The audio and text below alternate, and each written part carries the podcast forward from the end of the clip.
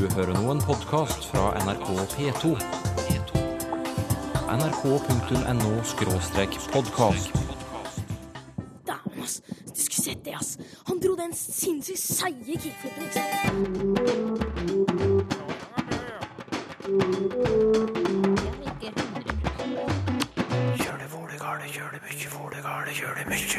Vokalene våre skaper problemer for den som skal lære seg norsk. Er du klar? I Men også verb kan være kinkige. Er fisken fryst, eller er den frossen? Hos oss så, så eh, prater vi mer og mer om verbet fryst, og, og jeg kjenner at vi nesten holder på å fryse ut ord- verbet frossen. Hvor skal du i påsken, Sylfes Lomme? Langt borte. Ah, hvor da? Langt borte i stand. Hvor er det? Gokk. Aha, forklaring følger senere, håper jeg. Norsk uttale er ikke noe for nybegynnere. Ja. på grunn av hystev. Jeg har ikke den eh, samme effekten som jeg har fra før. Men Så eh, de, de jeg er få så liten drink. Jeg står her bare med støvsuger og meg. ja, eh, Jeg kan slå på radio. Nei. Trond-Viggo Torgersens skotte plages av hysstøv og lytter på radio, men vi skjønner jo sånn noenlunde hva han sier. Og hvis du er blant dem som har lært å snakke norsk i voksen alder, da skal du være stolt av deg selv, for norsk uttale er vanskelig å få til. Ikke sant, språkforsker Jan Christian Hognestad? Jo, i grunnen så er jeg enig med deg i det. Eh, Og da må vi først presisere hva vi legger i uttale. Og da tenker jeg iallfall at det er sånt som har med vokaler og med konsonanter og med trykk og tone i språket å gjøre. Og på alle de områdene så mener jeg at eh, språket norsk byr på ganske så særegne problemer. Men så vil kanskje noen spørre ja, hvordan kan det være riktig, siden vi stort sett snakker slik vi skriver, i motsetning til en del andre språk? Nettopp. Eh, og Det er faktisk en misforståelse, vil jeg påstå. Altså Hvis en har lest litt om norsk språkhistorie, så dukker fort termen ortofoni opp. Og det betyr nettopp det at hvis du skal gå ifra et norsk skriftbilde til norsk tale, og der du bare i utgangspunktet tar talen for gitt, så å si, så går det ganske greit fordi vi har vært så villige gjennom årene til å justere skrift etter tale. Men nå glemmer vi skrift, og tenker på hvor lett eller vanskelig er talen og uttalen i seg sjøl. Mm. Dette skal du få utdype i en liten serie her i Språkteigen. I dag tar vi for oss vokalene. Hva er spesielt med norske vokallyder? Kort og nær sagt journalistisk sagt, så er det to ting. Eh, For det første at vi har nesten ubegripelig mange av de. Mange vokaler. Eh, Faktisk minst 18 i ulike varianter av norsk. Oi. Og dernest at eh, noen av disse 18 er ganske rare i skal vi si, verdenssammenheng.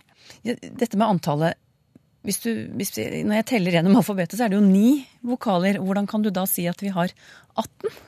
Det er fordi at hver vokal kan være enten lang eller kort, og at vi tar den forskjellen der i bruk når vi skiller mellom ord. Bare tenk på fin og finn, gul og gull, mat og matt, pen og penn, osv. Og disse to settene med lange og korte, de skiller seg ifra hverandre ikke bare i lengden, altså det vi kunne kalle kvantitet. De er faktisk mange av de òg forskjellige i kvalitet, altså hvordan de rent lydlig ellers høres ut. Så jeg står på mitt, jeg. Vi har 18, og minst 18 vokaler i norsk. Og det er mange, sier du, så hva er da vanlig? Ja, altså først kan du jo gå til den motsatte ytterligheten og, og ta de som er språkavvikere fordi de har så få. Eh, det er språk som har helt nede i tre eh, vokaler. Men statistisk sett så er vel en fem-seks veldig vanlig. Veldig mange språk i verden har det, og da er det klart at spranget opp til våre 18 er ganske formidabelt. Mm. Det var litt om antallet, men så sier du at de er rare også. Og hva Ja. er det som er så rart med vokalene våre? Jo, eh, tenk deg nå eh, for det første at vi fester blikket på et punkt på tunga vår som danser rundt i munnen når vi sier de forskjellige vokalene. Eh, da er det punktet langt framme når vi sier f.eks. i eller e, og så er det langt bak når vi sier for eksempel O og Å.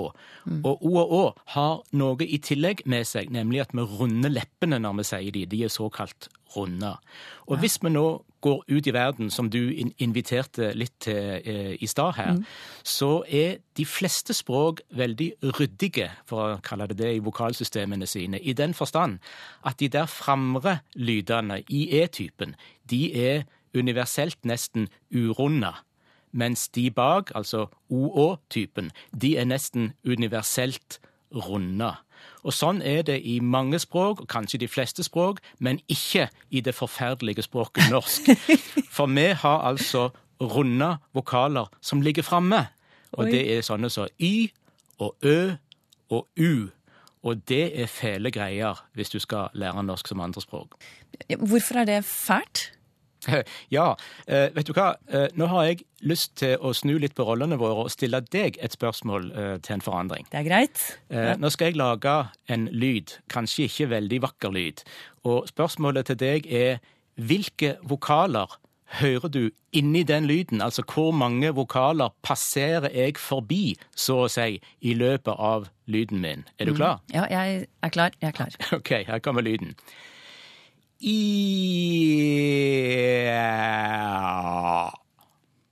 Fire. I-e-æ-a, er det riktig? Ja, det er riktig. Men det er riktig fordi du er norsk. Eh, fordi la oss nå tenke oss at vi hadde en lytter som, had, som ikke kan norsk, og som har et morsmål som mangler nummer tre, som du hørte, for eksempel, æ. Ja. Hvor mange vokaler ville den personen høre? Jo, den personen ville bare høre tre. Og la oss nå tenke oss en som også mangler e. Altså som av de fire du hørte, bare har i og a. Da ville vedkommende bare høre i og a, og så ville vedkommende bestemme seg når i-en gikk over til å bli a i denne her glidningen som jeg foretok. Og eh, dette illustrerer noe som jeg syns er interessant og fryktelig spennende. Og det er det at eh, vi lytter til andre språk ved hjelp av morsmålet vårt. Vi lytter ved hjelp av et språk, og da er ikke nødvendigvis det språket som vi lytter til. Eh, sånn at når folk kommer borti norsk med alle vokalene, så hører de veldig ofte ikke at vi har så mange vokaler, for de ser på noen av de, eksempel i og y og ø og e, kanskje alle de, som bare varianter av én og samme vokal, som er den ene vokalen som ligger i det området eh, eh, hos de som snakker akkurat det språket. Så sånn sett så eh, eh, hører vi det vi har blitt opplært i morsmålet vårt til å høre. Har du et eksempel på hvordan et norsk ord kan bli oppfattet, ja, misoppfattet, hvis du skjønner meg, da, ut ifra det, akkurat det du har sagt nå? Av Ja. en som ikke har vokalen i, i språket sitt? Eh, Et eksempel som jeg er sikker på at mange kan kjenne seg igjen i, eh, det er problemene som oppstår med vokalen U. Eh, Altså at når folk skal si ut, så sier de ut uh, istedenfor. Og det de gjør da, er egentlig rett og slett å rydde opp i dette forferdelige norske vokalsystemet. De trekker U-en tilbake til den posisjonen der O ligger, og den har de i sitt eget språk, for det er en nokså universell eh, vokal. Så, uh, ikke sant, når en i, i Norge skal lage parodier på, på folk som snakker norsk som andrespråk, så er det ofte ord som otlendinger som dukker opp. Og det er nettopp et kjempeeksempel på akkurat det som skjer med de rare norske vokalene. Er det andre språk da som har eh, det samme litt merkelige vokalsystemet som, som vi har? Ja, det er det. Og sånn sett skal vi kanskje ikke gjøre oss mer eksotiske enn vi er. Eh, vi kan bare dra over kjølen. Eh, svensk, norsk og svensk er faktisk kjent som to veldig, veldig vokalrike språk.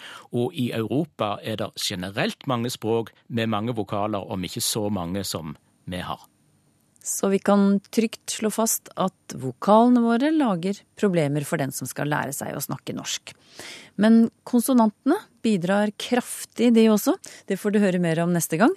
Og språkforsker Jan Christian Hognestad finner du til daglig ved Universitetet i Stavanger.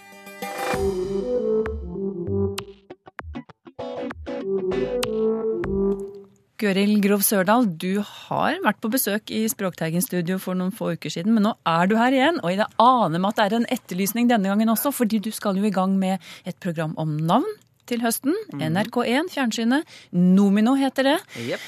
Hva er det du vil ha nå, da? Vi skal lage en episode om etternavn. Og fortelle om etternavnets historie. Visste du f.eks. at etternavn er en ganske ny oppfinnelse? Nei, det visste jeg ikke. Det skal vi fortelle mer om. Vi er på jakt etter kanskje en familie som har tenkt å gjøre noe med etternavnet sitt. Hvis de har f.eks. mine, dine og våre barn, så kan det være mange etternavn i samme familien. Hvis de skal lage seg et felles et, komme fram til et felles etternavn, så vil vi, vil vi gjerne være med på den prosessen. Eller kanskje det er et par som skal gifte seg, og som ikke så gira på Han er ikke så gira på at det er hennes, hun er ikke så gira på at det er hans navn. Kanskje de skal lage et felles navn. Har du et eksempel på noen som har gjort det? Ja, så, jeg leste om et par i Aftenposten. De heter Lindseth og Utgårdsløkken. Og de lagde, lagde det nye etternavnet Lindsløkken. Mm, det var jo flott, da. Og i Bergen kjenner jeg et ektepar som da de gifta seg, forkasta sine gamle navn og dikta opp en nytt. De kaller seg Poi Poi. Det var originalt. Så har de store planer for etternavnet, har de lyst til å gjøre noe, vi har lyst til å bli med på den reisa. Så ta kontakt med oss på nomino, krøllalfa, nrk.no, eller på Facebook-sida vår Nomino NRK. Eller de kan ringe til NRK Hordaland og spørre etter Gøril. Da du la en pakke fisk i fryseren din i går, frøs du den, eller fryste du den? Da frøs jeg den. Hva gjorde du? Jeg tror jeg fryste den. Jeg frøs den. Fryste den. Hva gjorde du? Jeg frøs den. Frøs. Frøs.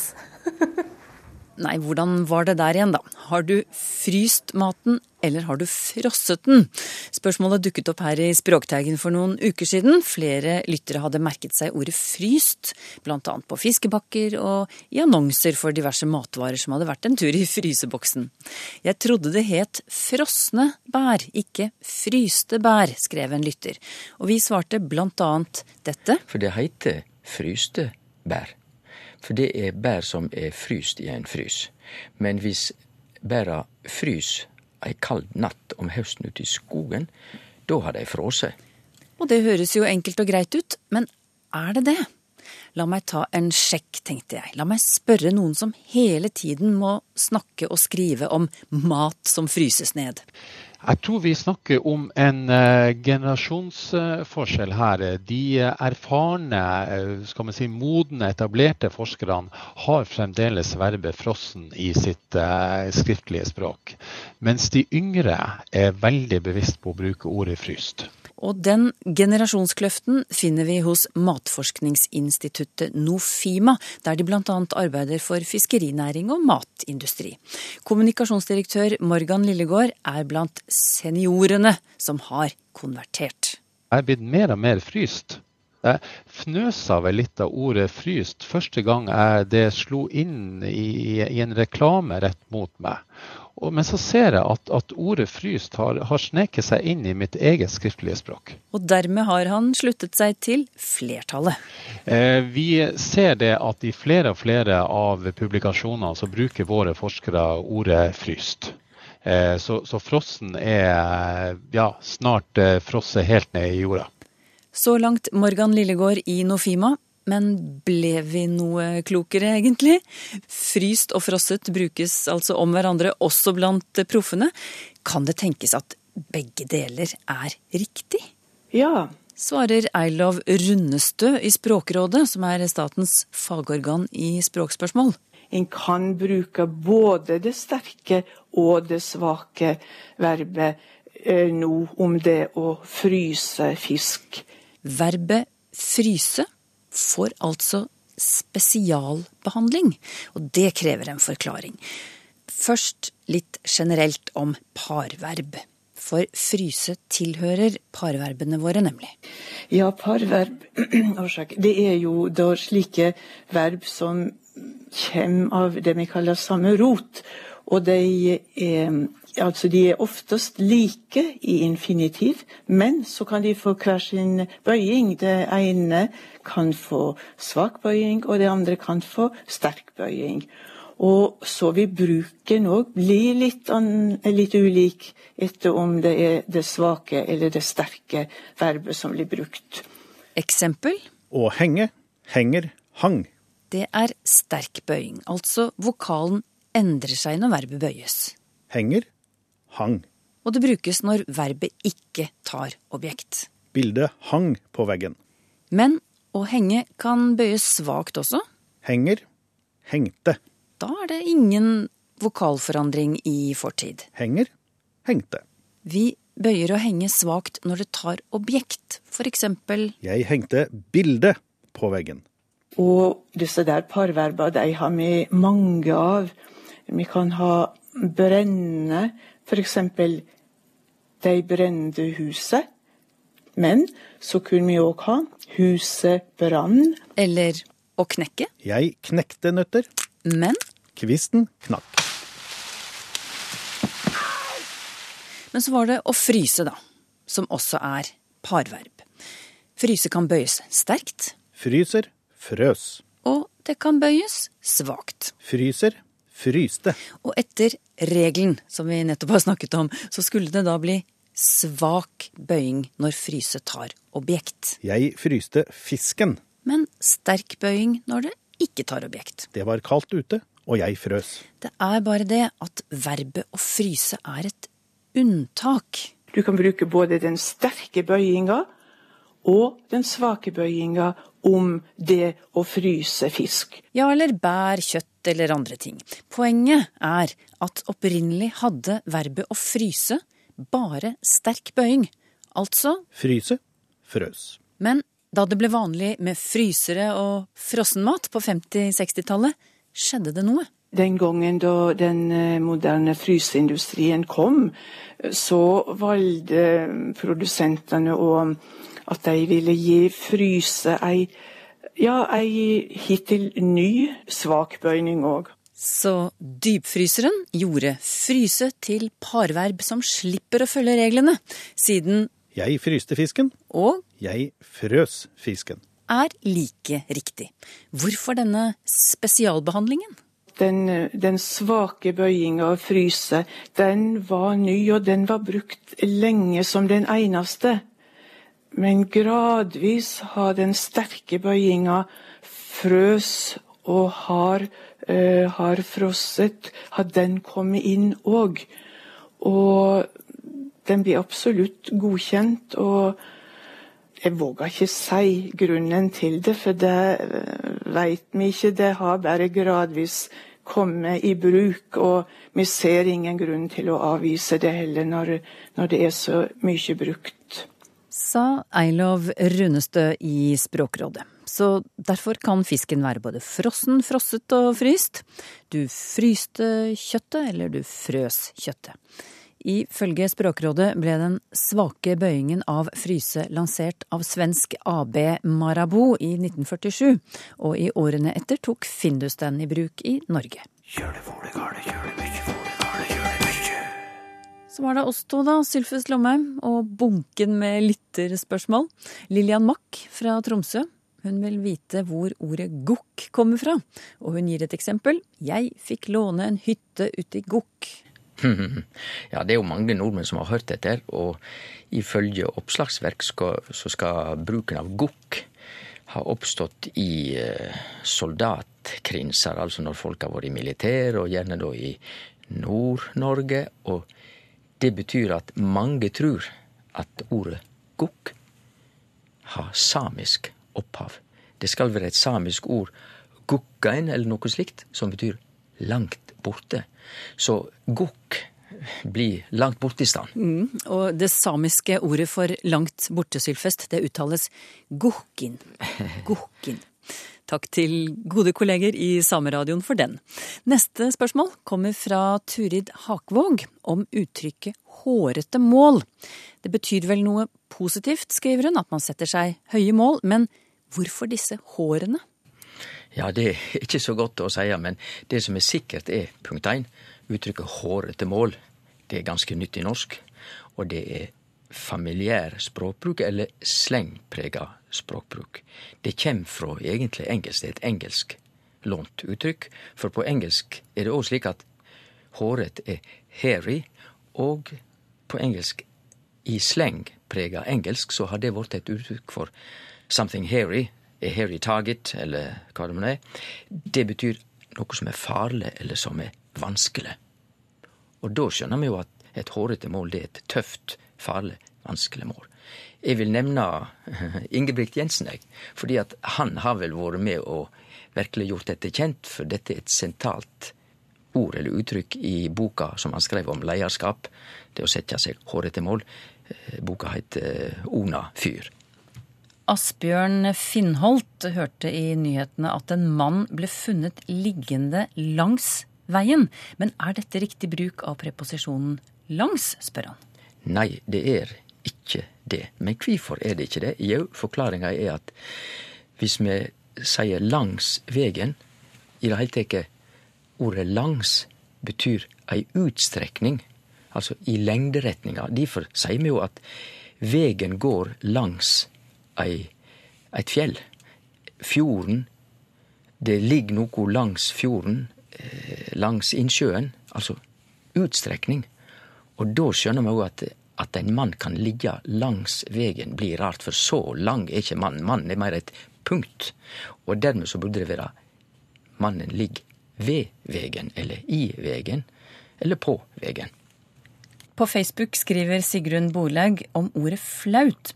Når hun hører ordet flaut, så tenker hun først og fremst på det man blir når man eh, skjemmer seg ut. Eh, Men for en stund siden kom hun over en bruk av ord hun ikke var kjent med. Det var en en soppbok.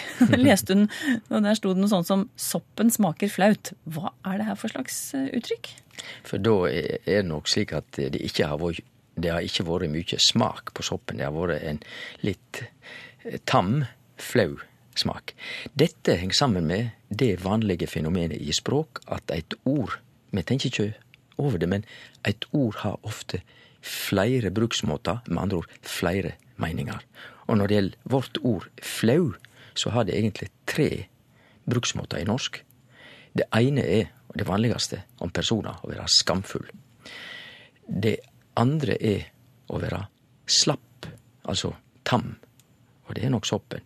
Og det tredje er et ord for banalt, enkelt. Dette er bare flaut. Dette er bare enkelt og banalt. Så det er de tre bruksmåtene av flau. En skarp observasjon fra Kari Randøy Høyer. Overse kontra overhøre handler det om. Hvordan kan det ha seg at overhøre betyr noe en har hørt, mens overse betyr noe en ikke har sett? Ja, det er rett det. Eh, Overhøre kan bety noe en har hørt. Å overse, eller oversjå, kan bety noe en ikke har sett. Men det er meir å seie om disse to verba, så jeg tror jeg nesten må ta dei hver for seg. Overhøyra, slik som det blir brukt i norsk, kan egentlig eh, bety tre ting. Det kan bety å høyre noko. Så eg overhørte dette på bussen, det betyr eg hørte dette på bussen. Men overhøyra, hvis vi tenker på den gammeldagse skulen og læraren og eleven, å overhøyra betyr òg å forhøyre, altså høyre etter om du kan leksa di, og overhøyre en elev. Men så med den tredje bruken, å overhøyre, han overhørte fullstendig mine protester. Det betyr det å ikkje høyre i det heile teke. Og så med oversjå, det kan ikkje bety tre ting, men i alle fall to ting. Det kan bety, som eh, Kari Randøy Høyer er inne på, oversjå kan bety å ikke sjå. Jeg overså henne fullstendig, hun overså meg fullstendig. Hun så meg ikke. Men det kan også eh, strengt tatt um, bety å sjå etter, men da vil vi nok stort sett ikke seie oversjå, men å sjå over noe, altså kontrollere. Så konklusjonen er at eh, både overhøyre og oversjå er to norske verb som har det felles at de betyr en to-tre ting, og begge kan i grunn bety å ikke høyre og å ikke sjå. Ann Sofie Høvelmann har vokst opp trespråklig og sammenligner hele tiden når hun snakker eller skriver, forteller hun. Vanligvis er ord på norsk, tysk og engelsk like, skriver hun. Man ser at de er i slekt, f.eks. ete, essen, eat, eller hus, house, house. Men hvorfor er ordene for barn, kinder og children så forskjellige, og hvor kommer de fra? Det er en veldig rett observasjon at i de germanske språka, tysk, skandinavisk og engelsk, så er veldig mykje likt. Av en god grunn. Alle disse språka har eitt opphav. Men vi har òg nokre tilfelle der orda er heilt ulike. Og da er det jo rett og slett å slå fast at de er ulike fordi at dei de har lånt inn ord fra forskjellige språk, eller de rett og slett har tatt heilt ulike ord for å betegne det samme. Og det er jo det som er med barn. Det er gamle ord, både mm, barn og children, child, og kind, kinder på tysk. Dette er gamle ord, men det er tydelig heilt ulike ord som har fått ord for barn. Vi kan ta det enklaste første, barn. Det er rett og slett av partisippen båren, altså å bæra, så det er jo så vakkert og poetisk. Et barn er det som er båret i mors liv gjennom ni måneder og så blir det båret fram til en fødsel. Det er nydelig. Så med kint på tysk. Det er egentlig i slekt med både ordet for kjønn og kin på, på engelsk, altså art eller slag, og da er jo vegen kort til òg det som er et avkom. Så um, det er et visst samband mellom det moderne kjente ordet kjønn og kin og kint. Det var tysk. Så har vi engelsk. Det gamle ordet for uh, child, uh, det gamle som ligger til grunn der, er etter ordbøkene kilt.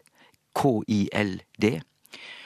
Og det er et gammelt ord også som har funnes i gotisk, altså et gammelt germansk språk.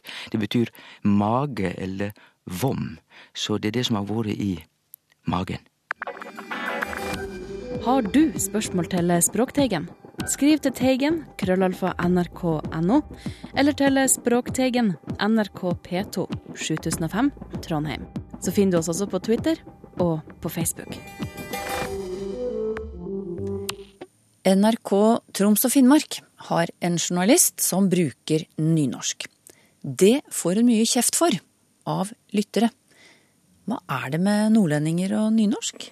Det er jo ikke noe nytt i og for seg. Eh, eh, den type språklig intoleranse kommer oftere til uttrykk i Nord-Norge enn eh, andre plasser i landet. Den største motstanden mot nynorsk er i Nord-Norge. Språkteigen om en uke.